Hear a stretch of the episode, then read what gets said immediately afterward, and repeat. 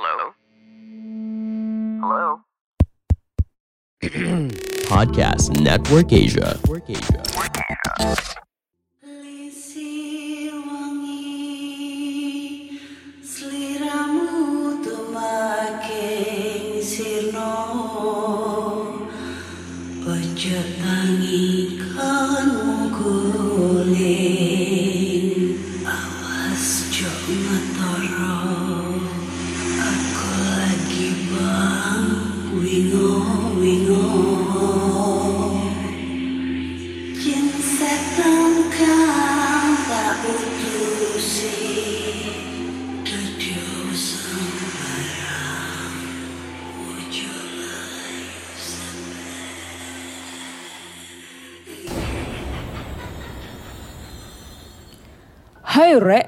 apa kabar Ketemu lagi dengan aku si Ana di podcast kisah horor.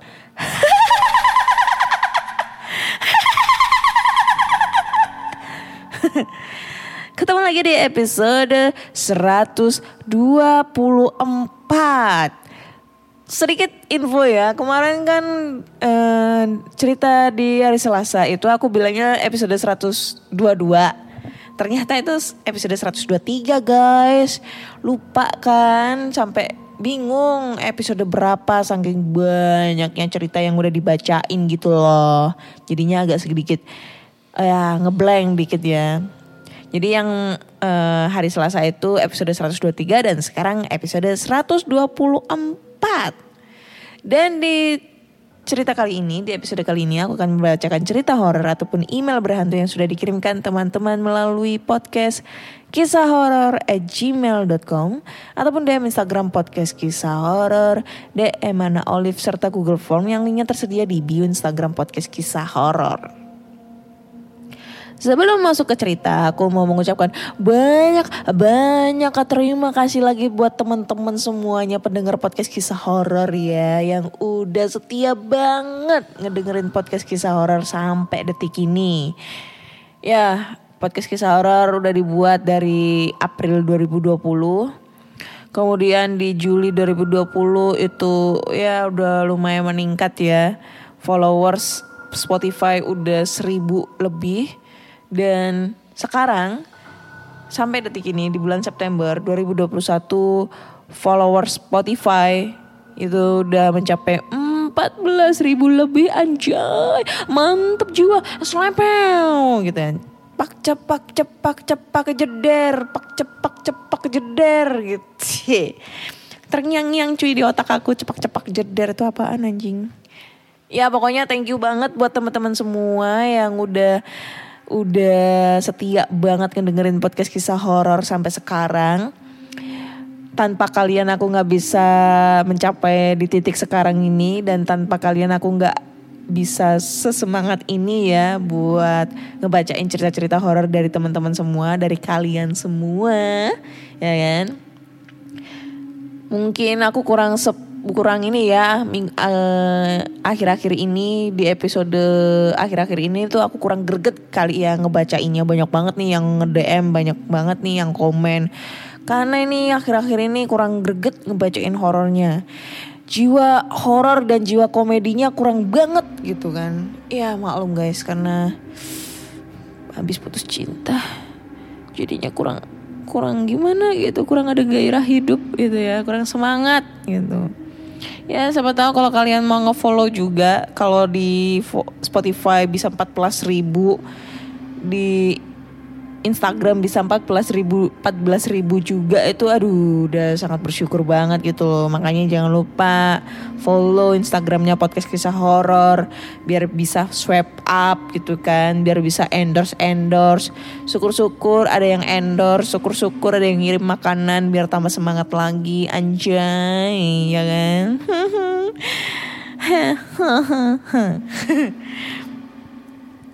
Oke langsung aja kita bacakan cerita-cerita horor yang sudah dikirimkan teman-teman.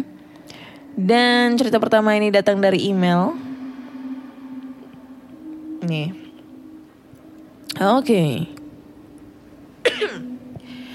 Judulnya adalah Korban Tabrak Lari. Dari judul kayaknya udah serem ya. Tentang mungkin hantu tabrak lari gitu.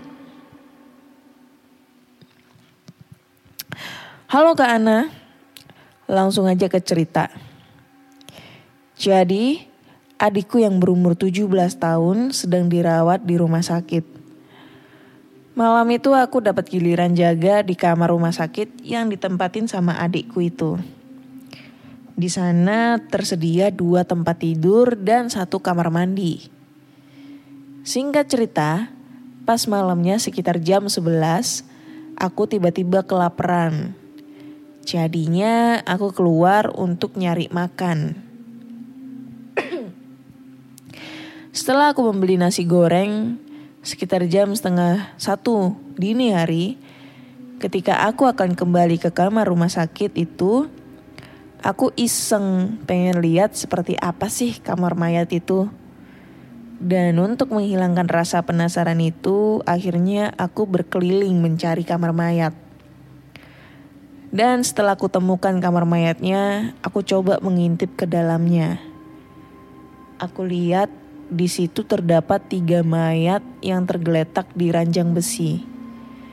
Wajahnya tidak terlihat karena ditutupi oleh kain putih. di kain yang menutupi ketiga mayat itu terlihat bercak-bercak merah seperti darah. Mungkin mayat-mayat ini mati karena kecelakaan, pikirku saat itu. Dan tiba-tiba udara mendadak dingin.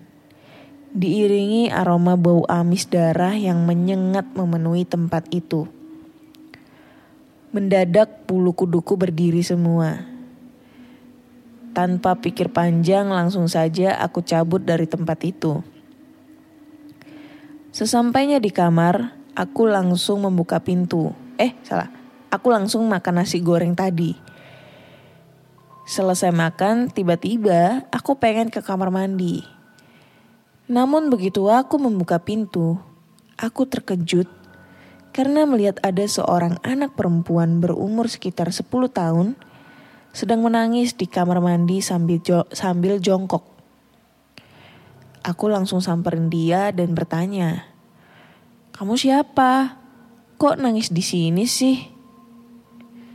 Saya mau pulang, mau pulang, jawabnya lirih.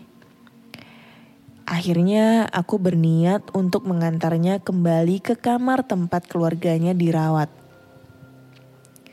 Karena aku pikir dia kesasar dan salah masuk kamar. Ayo kakak anterin, ujarku sambil menyodorkan tangan kepadanya. Lalu dia pun meraih tanganku, berdiri dan berjalan. Aku pun mengikutinya dari belakang. Namun entah kenapa saat ada di dekat dia, perasaanku merinding. Saya pikir mungkin karena cuaca malam itu emang lagi dingin banget. Beberapa saat kami pun berjalan menyusuri lorong-lorong rumah sakit yang sepi. Aneh, tidak terlihat seorang suster pun yang lewat saat itu. Biasanya di malam-malam sebelumnya, beberapa suster sering terlihat mondar-mandir. Namun saat itu tampak sunyi. Mungkin karena sudah larut, pikirku. Masih jauh kamarnya, Dek. Sebelah mana? Tanyaku kepada anak kecil itu. Dia hanya menggelengkan kepala dan tangannya menunjuk ke suatu tempat. Hah, yang benar saja. Itu kan kamar mayat. Gumamku dalam hati ketika melihat tempat yang ditunjuk oleh anak kecil itu. Tangannya persis menunjuk ke arah kamar mayat yang tadi sempat aku lihat. Dan ketika kami sampai di depan kamar mayat, kamar mayat, Tiba-tiba dia berhenti. Ini kamar mayat, Dek. Kenapa berhenti di sini? Mana kamarmu? Tanyaku keheranan. Dia tetap tidak menjawab dan malah berbalik menghadap ke arahku. Dan astaga, aku kaget sekaget-kagetnya ketika melihat wajah anak kecil itu. Mukanya kini penuh dengan darah dan luka-luka. Matanya tampak putih semua. Dia menyeringai ke arahku sambil berkata, "Terima kasih sudah diantar." Spontan aku langsung lari sekencang-kencangnya meninggalkan tempat itu. Dan ketika sudah berlari agak jauh, aku penasaran dan menengok ke belakang. Dan ternyata memang benar. Gadis kecil itu hantu. Dia berjalan masuk ke kamar mayat tanpa melalui pintu. Dia menembus tembok Aku langsung berli- berlari lagi menuju ke kamar tempat adik saya dirawat tanpa menoleh lagi ke belakang. Keesokan paginya aku ceritakan kejadian semalam sama suster yang jaga pagi. Apaan itu anjir? Dan dia pun cerita kalau tadi malam datang tiga mayat korban tabrak lari dan salah satunya adalah mayat seorang anak kecil. Tapi sekarang mayatnya sudah diambil oleh keluarganya. Terima kasih sudah dibacakan ceritaku ke Ana. Mohon maaf jika kepanjangan dan kurang seram. Wah, seperti biasa batuk guys. Oke, thank you banget buat ceritanya ya. Duh, dari siapa sih ini? Nggak mau disebutin namanya lagi. Ya, menurutku serem banget sih nih. Lumayan ya, lumayan serem. Karena aku sendiri pernah ngalamin yang kayak gini. Bukan bukan ngalamin, maksudnya bukan berarti mengalami ketemu hantu di kamar mayat, enggak. Tapi penasaran banget dengan kamar jenazah ya, kamar jenazah. Dulu waktu orang tuaku dirawat di rumah sakit ya karena lagi sakit kebetulan di rumah sakit deket rumah ya RSUD deket rumah itu kan mesti aku nungguin tuh tidur di rumah sakit gitu kan. Dan biasanya tuh aku tuh kalau malam tuh gabut banget gitu. Soalnya kan uh, kebetulan waktu itu kalau bapakku sakit itu di kamar VIP gitu. Aci VIP ya enggak lah karena askes gitu kan. Masuk di kelas 1 gitu kan. Dan kelas 1 itu isinya dua orang. Terus gabut waktu itu sekitar jam satu malam lah karena sebelah uh, pasien sebelah itu salah satu anggota keluarganya tidurnya ngorok cuy. Gabut banget kan nggak bisa tidur. Ya, akhirnya jalan-jalan keluar gitu kan keluar cari angin gitu udah nah waktu tahun 2007 2016 itu lagi marak-maraknya Bigo. Sekarang kan masih masih itu masih booming banget tuh Bigo. Nah, itu waktu pertama kali Bigo ada lah waktu itu. Nah, waktu itu aku pernah uh, aku pernah punya akun Bigo, tapi ya cuma buat iseng-iseng doang. Terus aku live. Live-nya itu nelusurin uh, apa namanya? lorong rumah sakit Iya tuh dan kebetulan rumah sakitnya sih agak kecil ya RSUD kecil gitu jadi ibaratnya tuh penasaran banget pengen nyari kamar jenazah tapi nggak ketemu cuy tapi kayak berasa banget merindingnya karena uh, waktu itu rumah sakitnya itu agak sepi pasien gitu kan. Nggak nggak terlalu banyak pasien. Jadi banyak banget bangsal-bangsal atau ruang rawat inap yang masih kosong. Jadi tuh aku pernah ngelewatin ngelewatin apa namanya uh, kamar ya yang kelas 3 kelas 3 itu kan satu ruangan itu kan ada sekitar 5 atau 6 pasien tuh. Berjejer-jejer nah itu kan posisinya itu ruangannya itu lorong terus kaca gitu kan. Nah itu kosong. Nggak ada nggak ada pasien yang lagi dirawat di situ. Itu lagi kosong momplong. Posisinya itu lagi gelap. Nggak lampunya nggak dinyalain. Cuma kelihatan banget dari lampu lorong dalam. Kan ada tuh lampu lorong dalam dalam biasanya buat uh, suster lewat pasien lewat kayak gitu gitulah pokoknya ada lah jadi kena sinarnya dari situ kelihatan gitulah. Tapi agak samar-samar. Nah di situ kayak aku ngerasa tuh kayak ada yang memperhatikan ngerati memperhatikan aku lagi live gitu kan sama apa namanya jalan. Dan posisinya itu aku ngerasanya itu yang ada di dalam videoku itu kayak ada orang memperhatikan. Maksudnya pas aku live itu kayak ada yang memperhatikan. Cuma Pas aku ngelihat langsung ke arah kamarnya itu gak ada siapa-siapa gitu. Terus yang kedua itu pas kejadian kakakku meninggal. Jadi tahun 2019 itu kakakku meninggal di di RSUD, RSUD terbesar di Surabaya, ya kan? Ya itulah Dokter Sutomo itu kan. Nah, Dokter Sutomo ini kan terkenal rumah sakit tertua gitu kan, terus angker di situ. Eh, karena ada isunya dulu susternya shot. Habis itu eh, rumah sakitnya sekarang udah gede banget ya, gede banget dan aduh sumpah bingung banget kalau aku masuk situ. Nah kebetulan waktu itu, eh kebetulan. Nah pada waktu itu kakakku meninggal tuh bulan Maret tahun 2019 tuh kakakku meninggal. Aku kayaknya udah pernah cerita deh. Jadi aku tuh disuruh buat nungguin jenazahnya kakakku di kamar jenazah. Tadinya itu jenazahnya itu di lorong. Di lorong apa itu? Namanya lorong ini. Lorongnya bangsal gitu karena masalah administrasi gitu kan masalah administrasi yang belum selesai karena waktu itu kakakku udah domisili Jogja cuma meninggalnya pada saat itu eh, di Surabaya. Jadi harus aduh bingung ribet harus ngurusin surat kematiannya di rumah sakit tersebut kan. Akhirnya ditaruh di bangsal. Nah sambil menunggu selesai akhirnya jenazahnya dipindahin ke kamar jenazah. Karena untuk pengangkutannya itu di dari kamar jenazah gitu. Eh, untuk pengangkutan melalui ambulansnya gitu kan. Terus nungguin dah di kamar jenazah itu di ruang jenazah. Di depan. Nah saking keponya aku itu masih jam sekitar setengah delapan lah setengah delapan malam. Saking keponya aku, aku tuh kayak ngelihat gitu loh celinguk. Jadi ruang jenazahnya itu dibuka cuy. Pintunya tuh dibuka lebar dan di dalam tuh terang banget. Lampu neonnya tuh terang banget dibandingkan lampu di luar. Terang banget pokoknya. Nah, saking penasarannya aku itu aku tuh kayak celingak-celinguk di dalam gitu loh. Pengen tahu gitu loh bentuknya ruang jenazah itu kayak gimana. Dan pada saat jadi kan jenazahnya kakakku itu di dekat pintu. Aku tahu tuh di dekat pintu.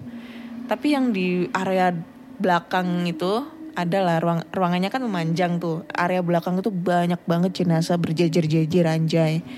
Gue sampai takut itu. Ada salah satu jenazah yang kayaknya udah membengkak terus di kakinya itu ada apa namanya kayak identitas gitu. Identitas identitas yang apa itu yang ditali di jempolnya itu loh. Nah itu. Ada satu yang aku lihat itu. Itu aku ngebayangin kalau misalnya jempol kakinya gerak itu kayak gimana gitu anjir. Kayak gerak-gerak gitu naik turun naik turun. Beh kayak apa ya da- damage-nya kerasa banget gitu di ruang jenazah itu. Gue nggak bisa ngebayangin kalau posisinya eh si penunggu si penjaga ruang jenazah itu kayak ditakut-takutin kayak gimana. Tuh ber- berasa horor banget gitu loh. Karena ini aku belum pernah ini ngedapetin cerita tentang pengalamannya pengalaman si penjaga ruang jenazah. Ini kalau sampai gue dapat cerita dari pengalamannya si penjaga ruang jenazah keren banget ini anjir sumpah. Buat teman-teman yang punya kenalan penjaga ruang jenazah bolehlah bagi-bagi cerita ya Oke, next kita lanjut ke cerita kedua ya. Cerita kedua nih. Oke, cerita kedua. Assalamualaikum warahmatullahi wabarakatuh. Waalaikumsalam. Langsung aja ke ceritanya ya kak. Jadi cerita ini sungguh kisah nyata hantu pengalaman pertama saya. Waktu melahirkan putri pertama saya di sebuah RSUD. Jam 10 malam saya menjalani operasi sesar dan satu setengah jam kemudian Bentar, nyampe mana tadi? Satu setengah jam kemudian saya tersadar dari pengaruh bius. Saya sudah berada di ruang pemulihan. Seperti ICU gitu. Ruangan besar dan yang malam itu hanya saya sendiri di dalamnya. Dengan pandangan yang masih agak kabur dan agak bingung karena masih ada pengaruh bius. saya melihat suster cantik berambut panjang hitam terurai dengan topi putih perawat di atas kepalanya duduk di pinggiran tempat tidur saya sa tidur saya sembari tangannya mengelus-ngelus kaki saya. Terus saya tanya ke suster itu, Suster, kok belum tidur? Dengan sus dengan senyum manis suster menjawab, Nggak apa-apa, saya nunggu kamu, jaga kamu. Kasian gak ada teman di ruangan ini sendirian. Terus suster ambil sesuatu seperti kertas dan mengipasi saya pelan-pelan.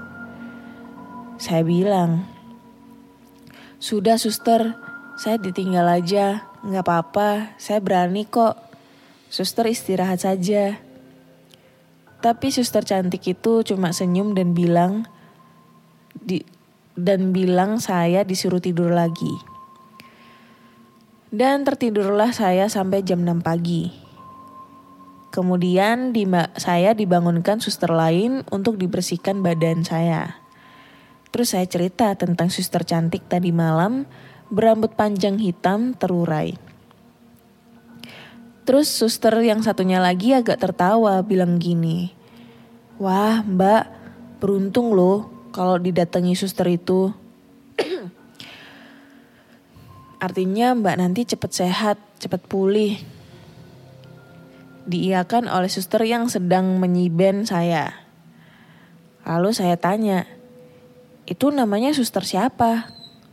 Oh itu namanya suster Herni. Dah cerita nggak berlanjut sampai tiga hari kemudian. Saya pindah ke kamar perawatan. Aduh. Mana tadi? Oh ini. Saya selalu berharap ketemu suster cantik itu. Tapi kok nggak pernah kelihatan. Saya bertanya ke suster yang saat itu menyuntik saya. Bu suster, yang rambutnya panjang, cantik, kok nggak pernah kelihatan ya? Waktu saya habis operasi, suster itu nungguin saya di ruang situ. Cantik banget, putih, rambutnya panjang diurai. Lalu Bu Suster menjawab, Oh itu Suster Herni, dulu kerja di sini. Tapi sekarang sudah meninggal bunuh diri lompat di sungai deras berbatu besar-besar dekat RSUD ini. Hamil dua bulan sama, waduh, sama itulah ya, karena ini menyebut instansi bro, sama lelaki, tapi lelakinya nggak mau tanggung jawab. Bu suster itu bercerita dengan wajah dingin tanpa senyum, tanpa ekspresi, judes.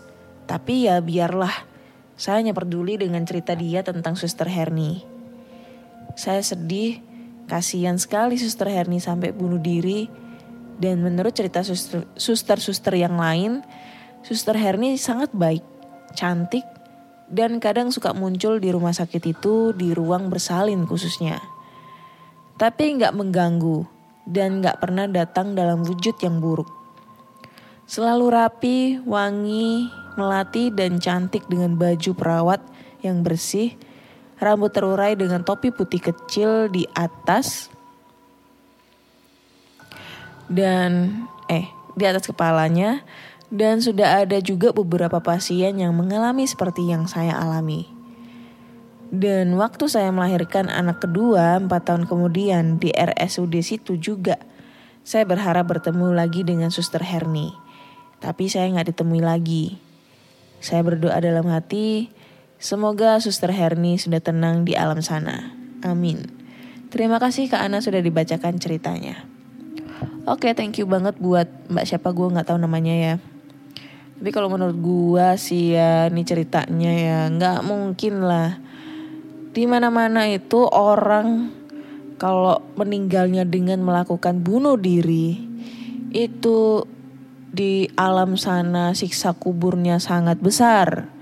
Apalagi dalam posisi keadaan hamil gitu. Ya bisa jadi kuntilanak lah ya. Tapi kalau misalnya posisinya itu mungkin dalam keadaan sakit ya kan? Atau mungkin dalam keadaan kecelakaan insiden gitu dan lain-lain bisa jadi sih ya dia menjadi arwah pen- arwah yang baik. Tapi menurutku sih kayaknya itu memang perwujudannya ya. Per- bukan bukan suster Herninya sendiri sih ya yang menghantui di rumah sakit tersebut. Melainkan eh perwujudan jin yang menyerupai suster Herni tersebut gitu. Ya mungkin eh memang penunggunya yang ada di sana gitu kan penunggu yang ada di rumah sakit. Karena memang setiap gedung itu pasti ada penunggunya cuy. Terus karena memang suster Herni ini kebiasaannya waktu semasa hidupnya baik nih orangnya jadi dia menyerupai wujud seperti suster Herni agar mungkin lebih dikenang gitu ya. Karena setahu kalau orang yang udah meninggal dalam keadaan bunuh diri itu hmm, dia itu eh, jadi apa ya jadi gentayangan tapi gentayangannya itu bukan hal yang baik gitu. Karena kan dia melakukan hal hal yang buruk gitu yang dibenci Allah dibenci Tuhan kayak gitu. Itu sih menurutku mbak. Jadi mungkin mbaknya bukan ketemu sama suster Herni melainkan jin yang menyerupai suster Herni gitu Oke deh, mungkin satu cerita lagi ya. Satu cerita lagi. Dan cerita terakhir ini oke dari siapa ya? Cerita terakhir. Mana nih? Gue bingung nih mau milih cerita yang mana nih. Oke, dari sini enggak. Oke, cerita terakhir ini datang dari Ragil Satria Baja Hitam ya. Yang berjudul adalah Kuntilinik ya, kuntilanak. Oke. Halo Kak Ana, ini salah satu cerita dari aku. Tetapi ini cerita dialami oleh nenekku. Jadi di cerita ini aku akan berperan sebagai nenekku. Kejadian ini terjadi sekitar pukul 3 pagi. Pagi itu seperti biasa nenek pergi dari rumah dengan tujuan ke pasar. Jarak yang lumayan jauh membuatnya harus pergi sebelum azan subuh berkumandang. Setelah bersiap dengan bakulnya, benda yang terbuat dari anyaman bambu berbentuk seperti tong, nenek mulai melangkahkan kakinya dengan yakin. Jalan yang dilalui nenek tidak seperti jalan sekarang. Tidak ada lampu menerangi setiap sisi jalan maupun rumah penduduk. Hanya lampu petromak yang akan memberi petunjuk di mana jalan, di mana hut, di mana hutan, di mana sungai. Jalan nenek memilih jalan setapak di pinggir sungai. Karena di situ lebih aman jika dibandingkan harus menembus hutan. Bahaya dari ular dan biawak masih cukup sering ditemukan saat itu. Semuanya terlihat normal saat itu. Sampai tiba di samping jembatan, nenek menemukan seekor anak ayam yang terus bercuap. Diambillah anak ayam tersebut dan dimasukkan ke dalam bakulnya. Karena memang rumah penduduk cukup jauh dari jembatan tersebut, sambil memasukkan anak ayam tersebut, nenek berucap, "Duh, anak ayam siapa ini? Kasian. Ke mana induk kamu?" katanya dalam bahasa Jawa. Nenek pun melanjutkan perjalanan. Setelah melewati jembatan, barulah keanehan terjadi. Bakul yang dibawa nenek bergoyang ke kiri dan ke kanan. Dan samar-samar terdengar nyanyian. Seperti lagu dolanan, lagu Jawa yang biasa dinyanyikan pada masa itu. Tidak berhenti sampai di situ. Suara tawa seorang wanita pun turut menyahut di setiap lagu berakhir. Nenek mengerti apa yang sedang terjadi. Sosok kuntilanak tengah bermain di atas bakulnya. Wanjir. Duduk di pinggiran bakulnya sambil terus bernyanyi dan tertawa. Suaranya begitu nyaring dan membuat merinding. Nenek pun melepas kain yang digunakan untuk penggendong bakul dan, melengkep, dan melemparkan bakul itu keras ke tanah. Dalam posisi terjatuh, si kuntilanak, aduh, si kuntilanak tetap bernyanyi endong-endong kulo di endong. Gendong-gendong aku digendong gitu dalam bahasa Indonesianya ya. Dan kembali tertawa. Nenek lalu berkata kepada si kuntilanak, Kurang ajar kamu, ganggu orang nyari rezeki, kata nenek dalam bahasa Jawa. Kuntilanak itu kembali tertawa dan semakin keras, lalu terbang dan menghilang entah ke mana. Begitulah kisah nenekku kak yang aku cerita, yang diceritakan kepadaku. Terima kasih sudah dibacakan. Bah, serem banget ini ceritanya anjir.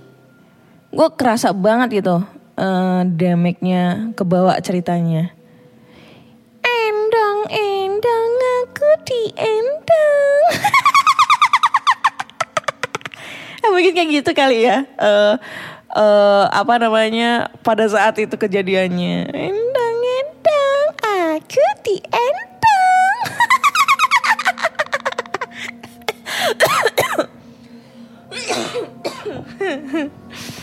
Aduh, sumpah gue gak ngebayang banget kalau misalnya itu terjadi sama aku ya. Aduh, sumpah ini ceritanya walaupun singkat, tapi eh, kerasa banget horornya kayak gimana gitu loh.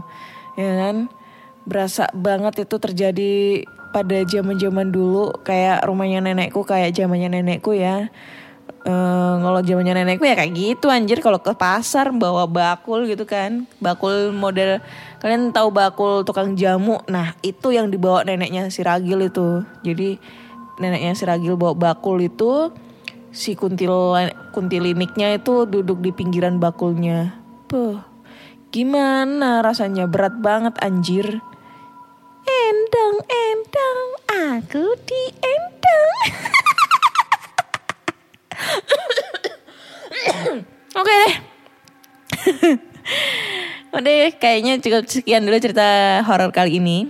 Udah ada tiga cerita nih yang aku bacain.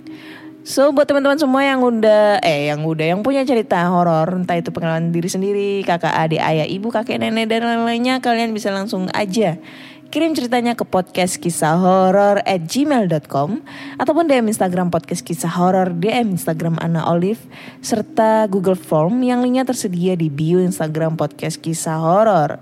Jangan lupa follow Instagram podcast kisah horor dan jangan lupa follow podcast kisah horor di Spotify.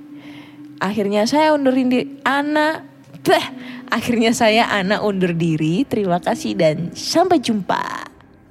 Pandangan dan opini yang disampaikan oleh kreator podcast, host, dan tamu tidak mencerminkan kebijakan resmi dan bagian dari podcast Network Asia. Setiap konten yang disampaikan mereka di dalam podcast adalah opini mereka sendiri dan tidak bermaksud untuk merugikan agama, grup etnik, perkumpulan, organisasi, perusahaan, perorangan, atau siapa pun dan apa pun.